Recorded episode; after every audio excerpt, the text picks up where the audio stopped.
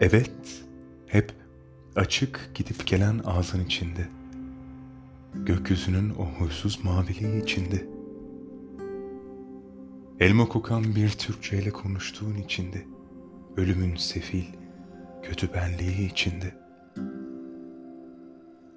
Her gün pazar kurulan o sokaklar içinde. Saçında uykusu kaçmış çiçekler ıslattığın içinde.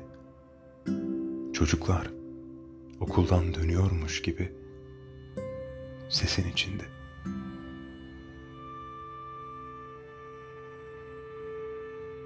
İşte bütün ama bütün bunlar için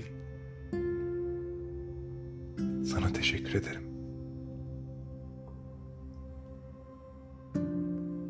İlhan Berk